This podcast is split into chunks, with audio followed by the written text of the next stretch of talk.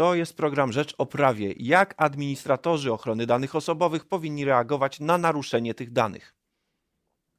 Adwokat Jan Prasałek e, w kancelarii LK Legal jest dzisiaj naszym gościem. Dzień dobry, panie mecenasie. Dzień dobry, panie redaktorze, dzień dobry państwu. Zajmiemy się tematem ochrony danych osobowych, e, w szczególności ważnym dla administratorów tych danych. Musimy spojrzeć na to, co się dzieje, gdy administrator ochrony danych osobowych w, jakimś, e, w jakiejś instytucji, przedsiębiorcy, przedsiębiorstwie stwierdzi, że doszło do naruszenia. I co wtedy, panie mecenasie? Tak, to, to jest bardzo poważna kwestia dla każdej organizacji. Wymaga bardzo szybkiej reakcji, bo tak naprawdę zgodnie z przepisami RODO mamy na to, na reakcję 72 godziny. E, na początku warto pewnie powiedzieć, czym jest w ogóle to naruszenie, bo, bo, bo żeby prawidłowo zareagować, no to najpierw zawsze musimy ustalić stan faktyczny, czyli musimy ustalić, co się wydarzyło tak naprawdę w organizacji i czy to, co się wydarzyło, spełnia definicję naruszenia ochrony danych osobowych czyli naruszenia bezpieczeństwa prowadzącego do przypadkowego lub niezgodnego z prawem e, utracenia danych bądź naruszenia ich poufności, a więc dostępu jakichś osób trzecich do tych danych. Więc to chodzi nie tylko o taką sytuację, kiedy, nie wiem, wysłaliśmy gdzieś nieprawidłowo korespondencję, czy papierową, czy elektroniczną, czy, czy bardziej poważnych rzeczy, nie wiem, jakichś włamań hakerskich, czy włamań do siedziby firmy, kiedy wiadomo, że, ta, że do tego naruszenia poufności i dostępności do tych, poufności tych danych doszło, ale również na przykład sytuacje, kiedy w sposób nieprawidłowy utraciliśmy te dane. Czyli jeżeli mamy obowiązek prawny przetwarzania, posiadania określonej dokumentacji, a tą dokumentację utraciliśmy, to to również jest naruszenie. Więc ta definicja naruszenia wynikająca z RODO jest bardzo szeroka i to na pewno o tym każdy administrator powinien, powinien pamiętać, ale jeżeli już dojdzie do takiego naruszenia, stwierdzimy, no to oczywiście każdy administrator powinien ustalić, jakie dane, w jakim zakresie, komu zostały potencjalnie, nie wiem, ujawnione, czyli ustalić stan faktyczny, to jest pierwsza rzecz. Druga rzecz, podjąć działania zaradcze, czyli szybkie działania, które mogą e, no, zmniejszyć ryzyka związane z utratą tych danych. Jeżeli, nie wiem, wysłaliśmy błędnie gdzieś korespondencję, pocztowo, no to jest szansa, że na poczcie uda nam się odzyskać tą dokumentację bez przed doręczeniem, więc jak najszybciej powinniśmy działać, żeby przeciwdziałać negatywnym skutkom. No z elektroniczną pocztą już tak dobrze nie pójdzie, prawda? Jak się wysłało, kliknęło.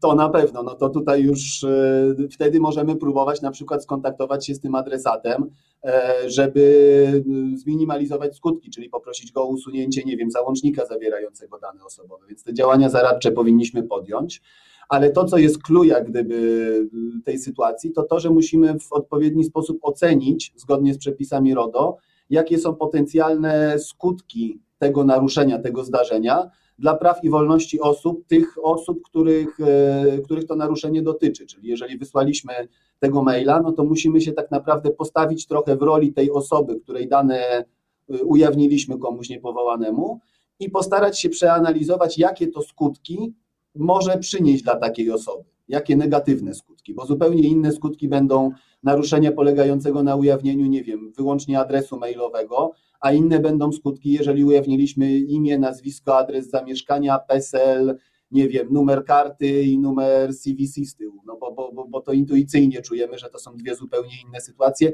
a jedna i druga jest naruszeniem, tak patrząc na przepisy prawa. A gdzie jest granica, panie mecenasie? Bo rzeczywiście no, y, tutaj praktycznie podaliśmy na tacy jakiemuś potencjalnemu, no nie wiem, użytkownikowi karty kredytowej wszystkie namiary i pozwoliliśmy, i pozwoliliśmy mu dokonać zakupów na, na, na koszt tego nieszczęśnika. Więc czy, czy, y, czy pieniądze są tą barierą, czy gdzie właściwie ona przebiega? Przepisy RODO y, same w sobie i w tym przypadku również one są bardzo ogólne. To się też wiąże z tym, że to y, wymaga ujednolicenia dwadzieścia kilka państw członkowskich i, i one nie mogą być aż takie bardzo kazuistyczne. Natomiast ta ocena zawsze powinna przebiegać trójstopniowo i to wynika wprost z przepisów RODO. Czyli oceniamy, czy waga i prawdopodobieństwo wystąpienia tych negatywnych zdarzeń dla tych osób jest pomijalne, jest średnie, czy jest wysokie. Jeżeli jest pomijalne, ale to jest pewien wyjątek od reguły, to możemy poprzestać na pozostawieniu, mamy wewnętrzny rejestr naruszeń, wpisujemy to wewnętrznie w ramach organizacji do rejestru naruszeń i tyle. Ale tylko i wyłącznie, jeżeli to ryzyko jest pomijalne. Jeżeli jest wyższe niż pomijalne, to zawsze i bezwzględnie musimy zgłosić takie naruszenie do prezesa Urzędu Ochrony Danych Osobowych jako do organu nadzorczego. Mamy na to zgodnie z RODO 72 godziny. Jeżeli się spóźnimy, to musimy wyjaśnić przyczyny opóźnienia, więc termin jest bardzo krótki, to nie są dni robocze, więc tak naprawdę jeżeli coś się wydarzy w piątek po południu, a tak jak sobie żartujemy tutaj branżowo, wszystkie incydenty bardzo lubią się wy, wy, wy, o, tak. wydarzać w piątek po południu, e, to, no to, mamy, to mamy bardzo mało czasu tak naprawdę na to, żeby prawidłowo zareagować. Jeżeli to ryzyko dla osób fizycznych jest wysokie, to oprócz tego, że musimy zgłosić to do Urzędu Ochrony Danych Osobowych, to musimy zawiadomić te osoby objęte naruszeniem o tym, że takie zdarzenie miało miejsce jak najszybciej. Bo w Co tym przykładzie, panie mecenasie? Co najpierw? Naj... Czy zawiadomienie najpierw do urzędu, czy do tych osób? E, najpierw zawsze zawiadomienie do urzędu, bo to jest też tak, że jeżeli zawiadomimy urząd, to urząd bardzo często, jeżeli mamy wątpliwości, czy na przykład musimy zawiadomić osoby fizyczne, bo jest tak na granicy pomiędzy tym średnim a wysokim ryzykiem, no to zawsze urząd nam powie. Zawsze bezpiecznie jest zawiadomić, bo bo lepiej jest tutaj bardziej działać profilaktycznie i lepiej powiadomić tego użytkownika, tą osobę fizyczną o tym, że no coś się wydarzyło i uważaj, bądź czujny na to, na nie wiem, na telefony od osób trzecich, które będą na przykład próbowały wyłudzić od ciebie jakieś dodatkowe dane. Bądź czujny, nie wiem, na jakieś zdarzenia finansowe. Są możliwości e, ustawienia sobie pewnych alertów, na przykład jeżeli ktoś próbuje weryfikować naszą zdolność kredytową. Jest dużo rozwiązań, które dajemy po prostu temu, tej osobie, której dane ujawniliśmy, dajemy jej szansę na to, żeby ona prawidłowo zareagowała, prawidłowo no, zareagowała i prawidłowo zabezpieczyła swoje interesy. Jeszcze jedna ważna rzecz tutaj, też w świetle decyzji łodo Urzędu Ochrony Danych Osobowych. E, daną, na którą powinniśmy zwrócić uwagę w przypadku naruszeń szczególną, jest numer PESEL. E, ponieważ e, no wiadomo, że przy, jeżeli ten numer PESEL ujawnimy osobie niepowołanej, jeszcze z dodatkowym setem innych informacji, jak imię, nazwisko, nie wiem, numer dowodu, adres zamieszkania, no to daje to pole już do realnych możliwości narażenia takiej osoby na, na straty fizyczne, na próbę, nie wiem, wyłudzenia kredytu na taką osobę, kradzieży tożsamości, już bardzo poważne, poważne reakcje. I to też gdzieś z orzecznictwa urzędu, prezesa Urzędu Ochrony Danych Osobowych wynika, że ten PESEL powinien być no, bardzo, bardzo ściśle chroniony. Zapytajmy na koniec, co jeśli nie powiadomimy, co nam grozi i jakie są możliwe kary? Kary, jak to w samym, jak, jak, jak to w RODO, zgodnie z, z artykułem 83 RODO, są bardzo wysokie.